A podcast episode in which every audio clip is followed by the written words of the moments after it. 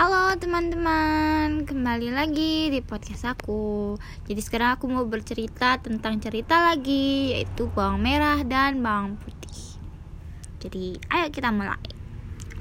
A long time ago, in a nice quiet village, there lived a wealthy merchant with his daughter, bawang putih, who has obtained and kind heart.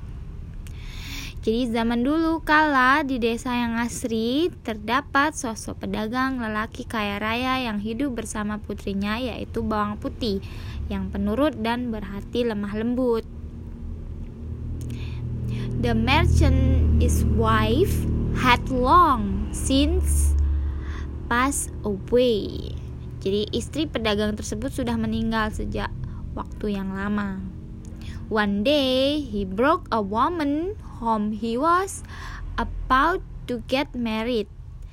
Jadi pada suatu hari, pedagang tersebut membawa seorang wanita yang akan dinikahinya. The woman also has a daughter, bawang merah. They now became bawang putih is stepmother and stepsister. Wanita tersebut juga memiliki seorang putri bernama Bawang Merah. Sekarang mereka menjadi ibu dan kakak tirinya Bawang Putih. When Bawang Putih's father went to trade, the stepmother and Bawang Merah always treat her like a servant. Jadi ketika ayah Bawang Putih berangkat untuk berdagang, sang ibu tiri Bawang dan bawang merah selalu memperlakukan bawang putih seperti pembantu. Bawang putih did all the work, such as cleaning the house, cooking, washing clothes, and looking for firewood that was ordered by her stepmother.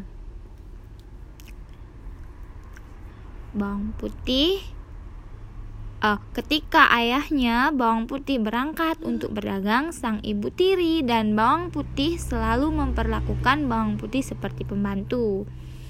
Bawang putih melakukan seluruh pekerjaan seperti membersihkan rumah, memasak, mencuci baju, dan mencari kayu bakar atas perintah ibu tirinya. Whenever he walk went wrong, the stepmother would punish her by not feeding her. Jadi setiap kali dia membuat kesalahan, ibu tirinya akan menghukumnya dengan cara tidak memberinya makan. Every morning, her stepmother and bawang merah took turns shouting at bawang putih to wash their clothes. Setiap pagi, ibu tiri dan bawang merah saling bergantian meneriaki bawang, bawang putih untuk meminta dicucikan bajunya. Yet they did not give her enough time to finish. Tapi tidak memberikan waktu yang cukup. And would even get mad because of their starvation. Bahkan akan marah kepadanya karena kelaparan. It made bawang putih's body became thinner until her father her father fell ill. Jadi, hal tersebut membuat bawang putih semakin kurus hingga tiba waktu saat ayahnya jatuh sakit. She never left her father alone. Bawang putih tidak pernah meninggalkan ayahnya sendirian. But then God decided differently. Her father died. Tapi Tuhan berkehendak lain, ayahnya meninggal dunia. She said in tears, Father, don't leave bawang putih. Dia berkata dalam tangis, Ayah jangan tinggalkan bawang putih. All her life was more miserable. Hidupnya semakin menyedihkan. Yet, her stepmother and bawang putih were excited. Tetapi ibu tirinya dan bawang putih um, maaf maksudnya bawang merah merasa senang karena ya because the property and the house of bawang putih is father now belong to them karena seluruh harta dan rumah atas peninggalan ayahnya sekarang berpindah tangan kepada mereka. They further torture her. Sometimes she would cry at night. Jadi mereka semakin semena-mena pada bawang putih, terkadang ia pun menangis di malam hari. One day, pada suatu hari, bawang putih pergi ke sungai. Bawang putih went to the river to wash clothes untuk mencuci baju. She was sleepy and hungry. Dia mengantuk dan lapar. She didn't realize that her stepmother's favorite salt had washed away. Dia tak menyadari bahwa shell kesayangan ibu tirinya terbawa hanyut menyusuri sungai. Dia berkata, she said, "Oh no, mother's favorite red scarf is gone." Oh tidak, shell kesa merah kesayangan ibu tirinya hilang. Aku tidak berani pulang. I dare not go home. She will scold me. Dia akan memarahiku. Bawang putih menemui seorang peternak yang memandikan sapinya. Bawang putih met a farmer who was washing his cow dan menanyakan tentang shal merah and asked about the red scarf. Peternak tersebut melihat syal merah itu dibawa oleh seorang nenek tua yang juga mencuci bajunya di sungai. He saw that the red scarf was taken by an old grandmother who also was washing her clothes by the river. Dia tinggal di sekitaran gunung. She lived in the mountain. Bawang putih segera berangkat menuju gunung.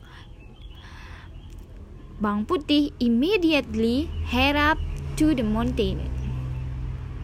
Dan di sana dia menemukan rumah kayu. And there she found a wooden house and met the grandmother dan bertemu dengan nenek yang dicari. Terdapat syarat khusus dari nenek tersebut untuk mengembalikan kembali syal merah itu padanya. There was one condition that the grandmother would give the red scarf back to her. Bang Putih must help the grandmother first to cook. Look for firewood, clean the house, and wash clothes. Jadi terdapat syarat khusus dari nenek tersebut untuk mengembalikan syal merahnya ya. Bawang putih harus menolongnya terlebih dahulu untuk memasak, mencari kayu bakar, kemudian membersihkan rumah dan mencuci baju. Semua itu terasa ringan bagi bawang putih karena ia terbiasa melakukannya. It was so easy for her because she used to doing it. Akhirnya dia ketika dia berhasil menyelesaikan semua itu, neneknya mengembalikan shawl tersebut. Ya, Finally, she finished it all, and the grandmother gave her the shawl and asked her to choose a gift. Ya, jadi dia itu disuruh milih uh, hadiah.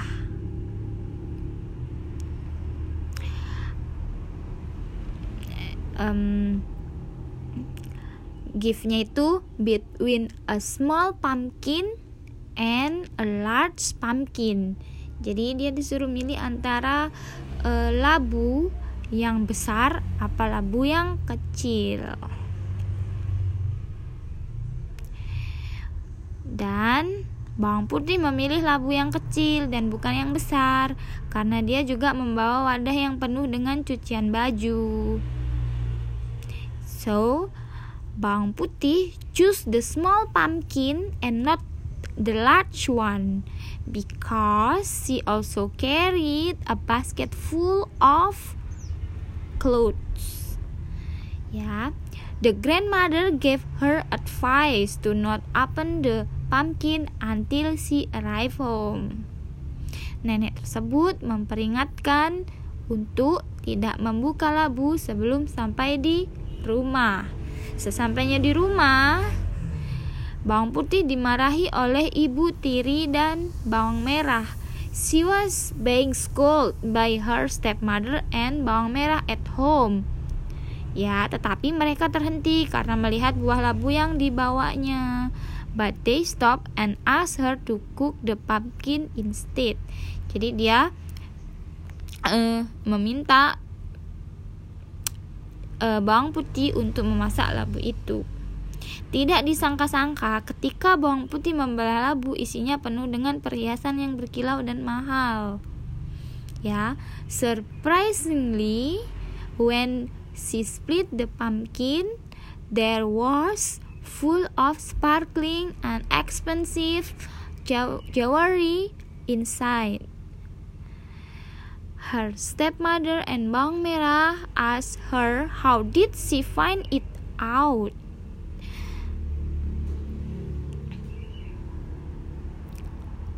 Ibu Tiri dan Bawang Merah menanyakan bagaimana cara mendapatkan labu itu. Bawang Merah ingin memilih labu yang besar. Bawang Merah want to choose a large one so that she would get more jewelry than bawang putih is. Ya, jadi dia bisa mendapatkan perhiasan yang lebih banyak dari yang punya bawang putih. Hal tersebut membuat Ibu Tiri memiliki ide untuk menghanyutkan kembali shell merahnya ke sungai. It gave the stepmother an idea to wash away the red scarf again in the river. Ibu Tiri dan bawang merah mengikuti shell merah menuju sungai yang dibawa oleh nenek ke gunung. The stepmother and Bang Merah follow the red scarf down the river that was taken by the grandmother to the mountain. Bang Merah merasa lelah. Bang Merah felt tired. Ya, karena jaraknya yang begitu jauh because it was so far. Namun akhirnya mereka sampai juga di rumah nenek itu. But finally they arrive at the grandmother's house. Mereka diminta untuk membantu nenek mengerjakan hal yang sama. They were asked to help the grandmother doing the same work. Seperti yang bawang putih lakukan. Ya, doing the same work as bawang putih. Dan memilih labu yang besar setelahnya and choose the large pumpkin afterwards. Namun mereka tidak mematuhi nasihat nenek, but they didn't obey the grandmother's advice. Mereka membukanya ke, sebelum sampai di rumah karena tidak sabar untuk melihat perhiasan di dalamnya. They opened it before arriving home. They were impatient to see the jewelry inside. Di samping itu, mereka terkejut dan terdiam sesaat. On the other hand, they were in for quite a surprise karena mereka menemukan banyaknya binatang berbisa. Because they found venomous animals ya, seperti ular, kalajengking, dan laba-laba di dalam labu. Such as snakes, scorpion, and spider inside the pumpkin. Mereka dipatu ular dan meninggal di tengah hutan. They were bitten by the snake and died in the middle of the forest. Keserakahan mereka mendatangkan bencana. Their greed broke them to disaster. Sedangkan bawang putih menjadi kaya raya karena perhiasan yang dimilikinya dan melanjutkan bisnis ayahnya. Meanwhile, bawang putih became wealthy because of the jewelry she had and continue her father's business. Dia menikmati buah hasil ketaatan dan kebaikannya. She enjoyed the fruits of her obedience and kindness. Ya, jadi cerita uh, pendek tersebut merupakan adaptasi dari dongeng di Jawa yang sudah sangat terkenal dari zaman dulu. Semoga bermanfaat untuk menambah kosakata kalian. Bye, sampai jumpa di podcast selanjutnya.